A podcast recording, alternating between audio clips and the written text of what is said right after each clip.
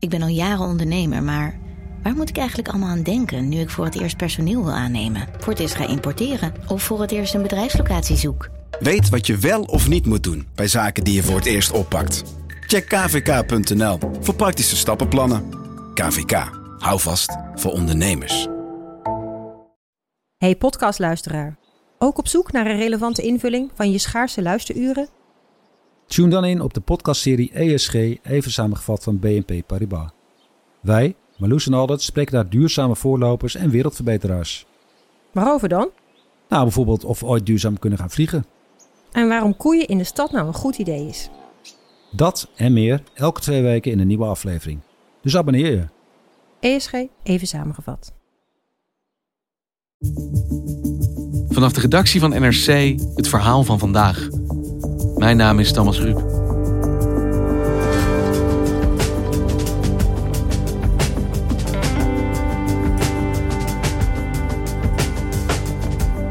Het is, zacht gezegd, niet altijd een gelukkig huwelijk geweest. Onderwijs en technologie. Maar toen kwam de coronacrisis. En de wens van techbedrijven om meer technologie het klaslokaal in te krijgen kwam uit. Maar met hun software, tablets en digiboards brengen ze ook hun eigen ideologie mee. Hebben scholen dat wel door?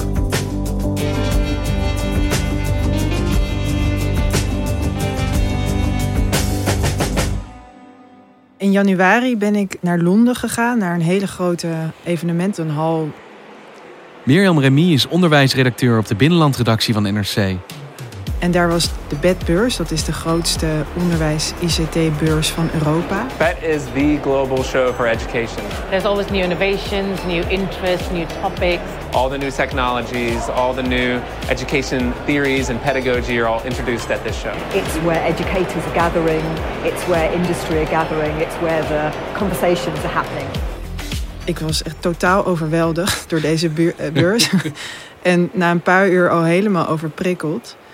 Het waren volgens mij vier echt gigantische hallen vol stands met alleen maar onderwijstechnologie in elke geur, kleur, vorm die je maar kunt bedenken. Heel veel lezingen. We know that there are many benefits to on-screen assessment, making this prospect an exciting one. Rondleidingen, demonstraties en je moet je voorstellen, het gaat echt van tientallen soorten digiborden tot games om beter te leren, tot uh, administratiesystemen om cijfers en zo bij te houden. It's just a great way to keep up to date with the sort of technologies and the impact it's having in education. Je kan bijna zo gek niet verzinnen of het is er. De grote techreuzen Microsoft, Google, Apple, ja, die hadden echt een soort tempels op die beurs. Die waren ook heel centraal. Apple had bijvoorbeeld een bandje van uh, jongeren die dan uh, muziek maakten op de iPad, die op een soort ronddraaiend plateau stonden. En waarom was je daar? Waarom op deze onderwijs-techbeurs? Uh, mijn collega Menno CD en ik hadden al, liepen al best lang met het idee rond om een verhaal te maken over de invloed van technologie op het onderwijs. Hoe diep zijn bedrijven eigenlijk in het onderwijs binnengedrongen? En ja, er zijn 34.000 bezoekers, dus als je leraren wil spreken over uh, technologie, dan zit je daar wel goed. En wat komen die daar doen, denk je? Wat willen die scholen op zo'n beurs? Heel veel mensen die ik sprak kwamen daar om inspiratie op te doen. Je voelde best wel veel onwetendheid of onzekerheid bij scholen en leraren. Vaak hadden ze wel het gevoel, de toekomst komt eraan. We willen er iets mee met uh, digitalisering of met uh, technologie. Weten ook niet precies wat. Ja, dus ze willen zien wat er allemaal is en wat ze in de klas zouden kunnen gebruiken.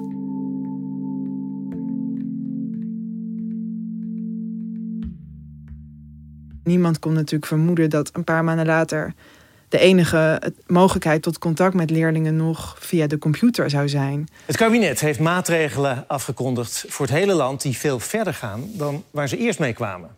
Om te beginnen.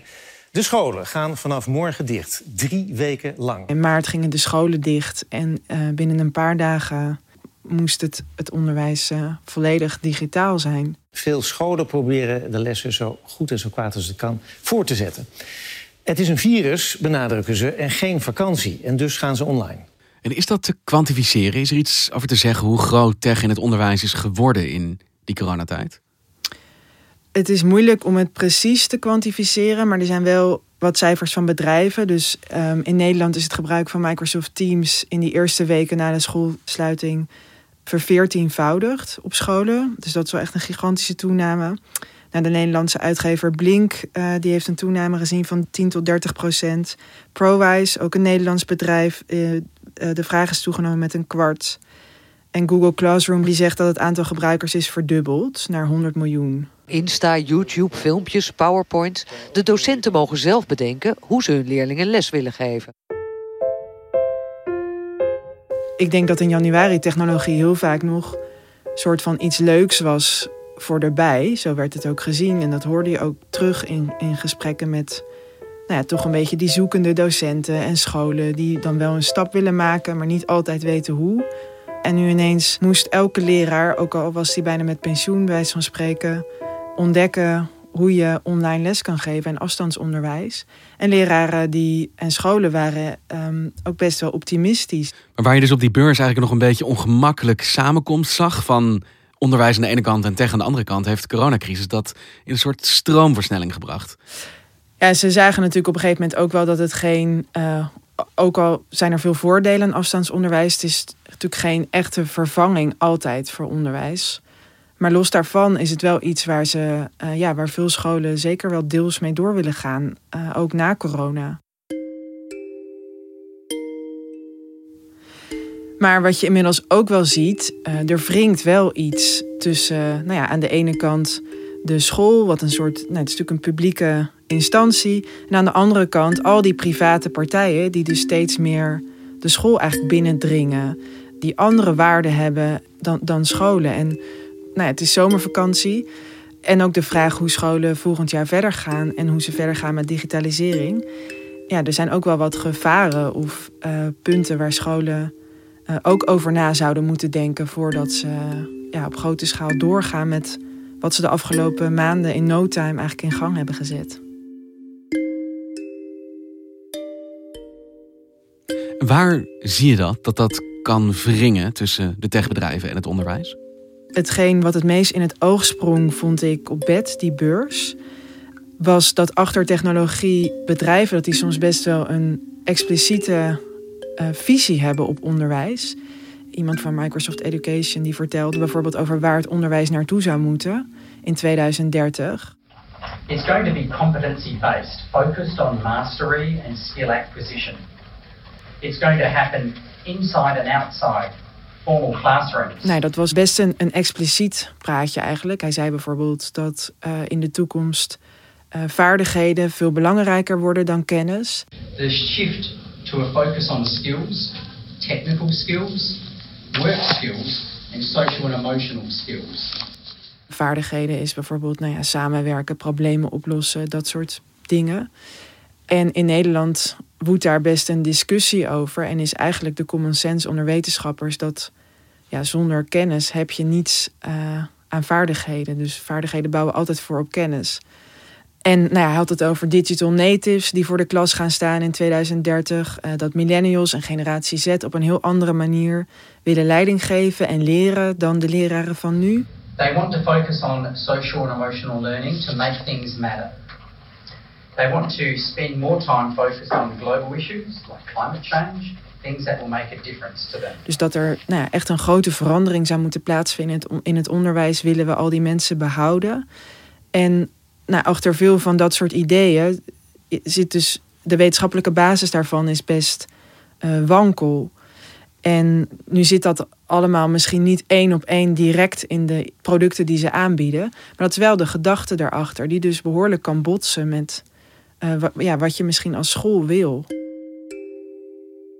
Dit is een beetje het punt dat raakt steeds meer aan de essentie van de inhoud die een school levert. Dus als je apps gaat leveren voor apps for education, ja, dan ben je eigenlijk al deel van het curriculum. Uh, José van Dijk, Nederlandse uh, universiteitshoogleraar, die hier een boek over heeft geschreven en veel mee bezig is, die ziet het eigenlijk als een soort botsing tussen verschillende waarden die uh, clashen. Want je hebt de waarde van een bedrijf En je hebt de waarde van een school als publieke instelling. Bedrijven zijn natuurlijk privaat. Maar je ziet wel dat ook binnen de school gaat die private en publieke ruimte heel gemakkelijk in elkaar over. Die commerciële en die publieke ruimte. En het hoeft niet erg te zijn. Maar zij zegt het is wel belangrijk dat je dat realiseert als school. En wat ik bijvoorbeeld een heel tekenend voorbeeld vind, is dat um, techbedrijven vaak als motivatie aanhalen van ja, wij willen ervoor zorgen dat de economie goed blijft draaien. Wij willen graag uh, dat scholen uh, goede werknemers afleveren met vaardigheden die passen bij de toekomst. Dus dat is een heel economische drijfveer. Als einddoel voor Als, het onderwijs. Ja, en uh, nou ja, die kijken ook naar hoe competitief is deze economie. Hoe goed zijn we in ICT-vaardigheden? Dat zijn natuurlijk ook belangrijke vragen. En daar heb ik ook over gesproken met uh, Ernst-Jan Stichter. Die is algemeen directeur van uh, Microsoft Nederland. Het World Economic Forum uh, heeft ons natuurlijk nu de vierde prijs gegeven... als het gaat om de meest competitieve economie in de wereld.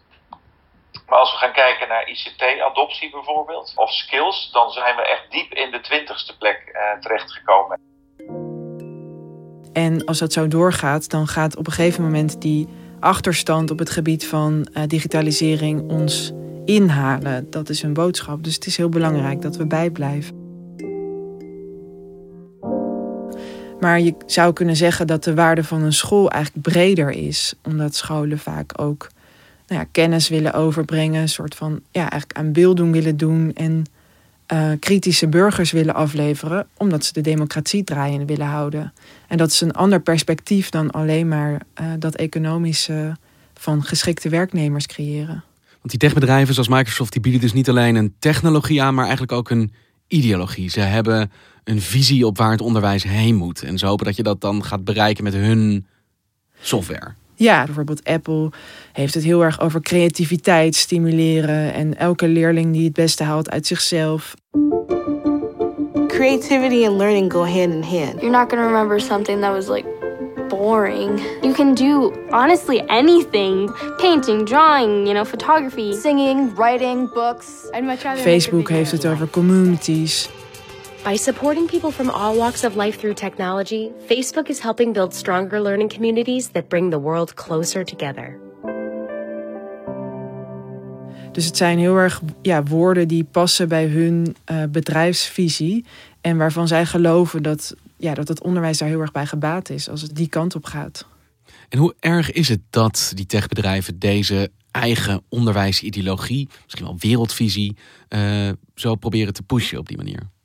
Nou, ik sprak bijvoorbeeld een wetenschapper Neil Selwyn uit Australië, die zich heel veel met dit onderwerp bezighoudt.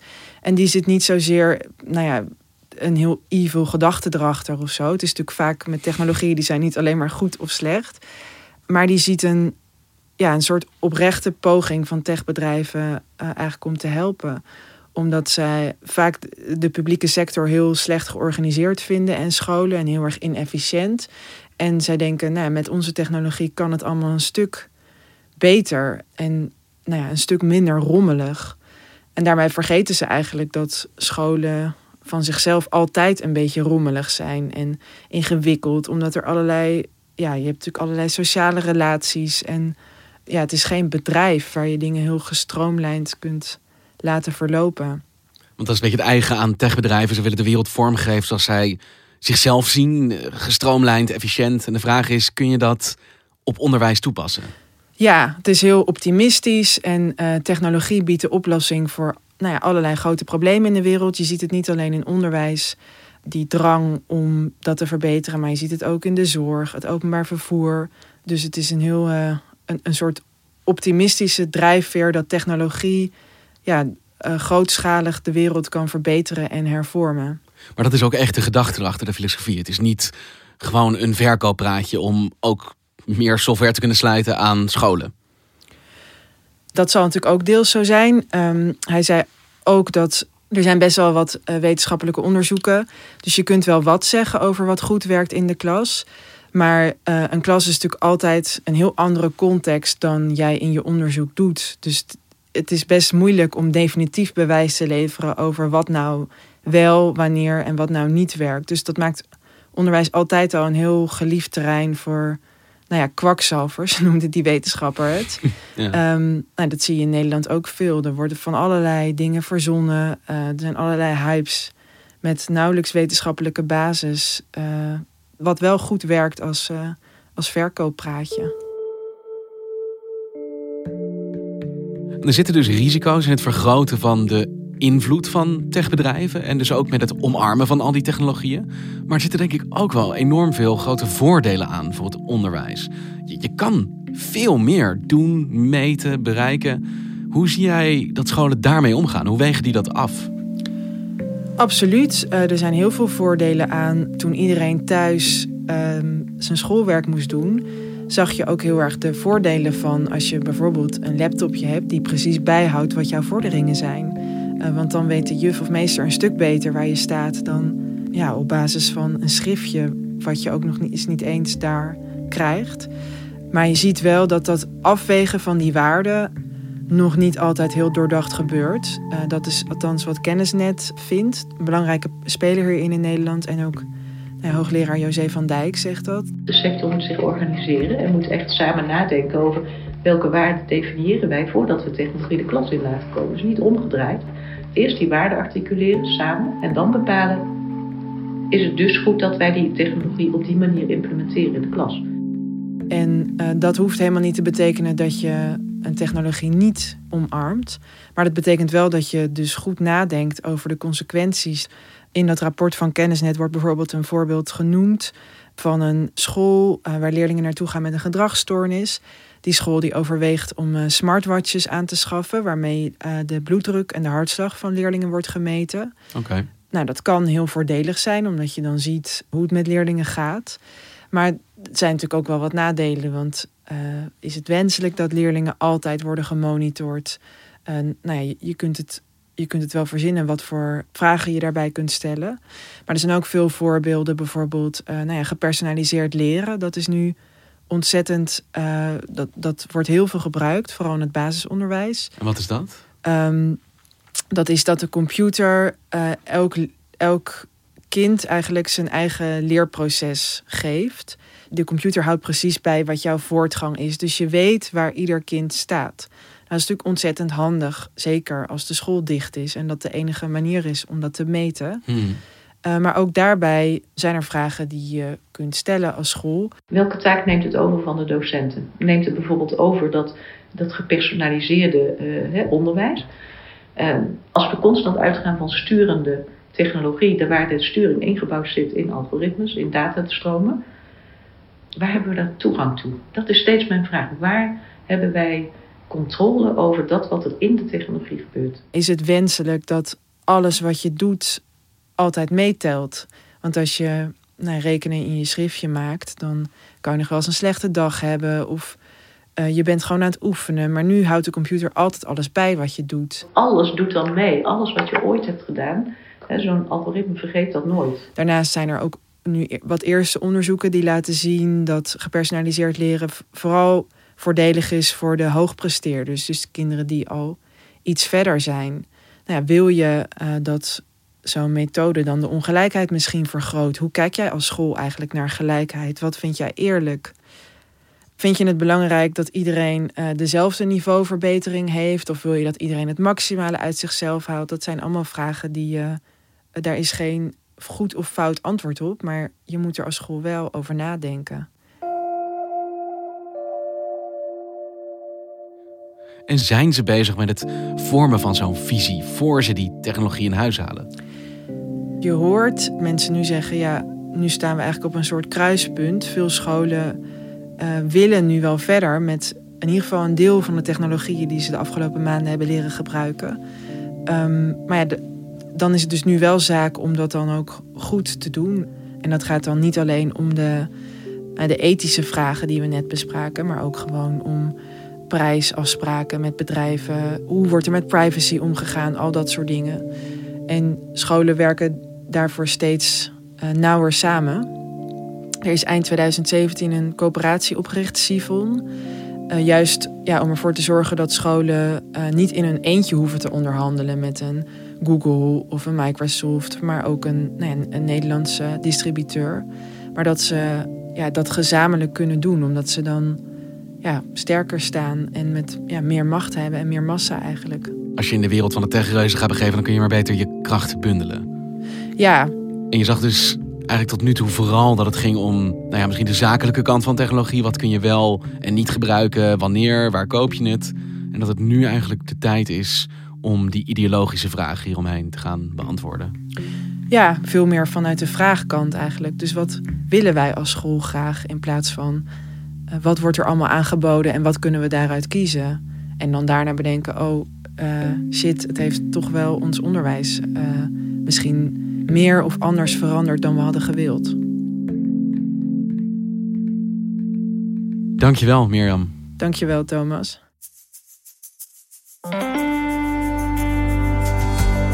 Je luisterde naar vandaag, de podcast van NRC.